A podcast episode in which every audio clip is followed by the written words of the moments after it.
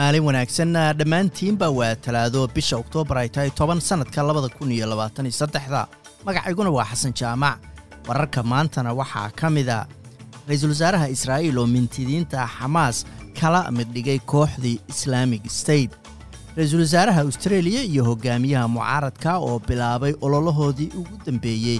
ee codka dadka indigeneska lagu siinayo baarlamaanka iyadoo aftidii ay qarka saaran tahay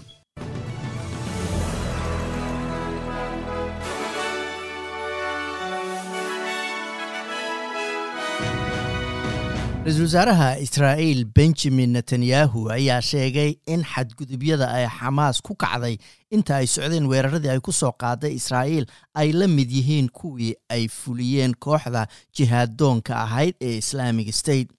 Warbaahinta israa'iil ayaa sheegaysa in dad ka badan sagaal boqol oo qof lagu dilay israa'iil iyo khaza halka howlwadeennada falastiiniyiintu ay sheegayaan in dad ka badan shan boqol oo qof ay ku dhinteen weerarada argoosiga ee israa'iil ay soo qaaday. Xaaladda dagaal ee ka sii daraysa ayaa ah tii ugu dambeysay ee colaadda dabada dheeraatay ee u dhaxaysa kooxda xamaas iyo israa'iil. Booliska new south wales ayaa sheegay inay ka shaqaynayaan siday ku sugi lahaayeen amniga bulshooyinka gobolka deggan oo dhan kadib markii dibadbaxyo lagu taageeraya falastiin ay xala ka dhaceen magaalada sydney.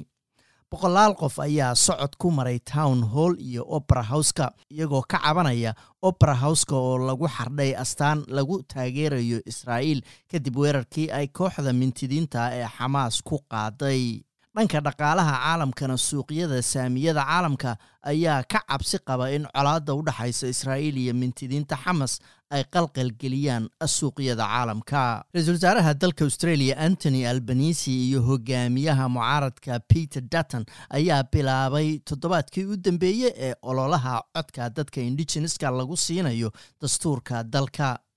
maalinta aftida ayaa soo dhow iyadoo dadku ay goobaha codbixinta u dareeri doonaan sabtida soo socota ee bishu afar iyo toban tahay si fikradooda ama aragtidooda ay uga dhiibtaan arrintan. Guddi ka tirsan aqalka senadka dalkan australia ayaa sheegay in dowladda federaalkaahu ay shirkadda qatar u diiday duulimaadyo dheeraada si ay u difaacdo danaha shirkadda quantas guddiga ayaa u soo jeedinaya dowladda inay si deg dega dib u eegid ugu samayso go'aankaasi ay qatar airways ugu diiday inay labaatan iyo siddeed duulimaadyo dheeraada ku timaado dalkan australia. Afghanistaaniyiin badan ayaa aasaya xubnihii qoyskooda ee ku dhintay dhulgariirka dadka badani ku dhinteen oo baabi'iyey tuulooyin badan oo ku yaalla galbeedka dalkaasi maalintii sabtida ahayd dhulgariirka ayaa inta la ogyahay waxaa ku dhintay laba kun iyo afar boqol oo qof.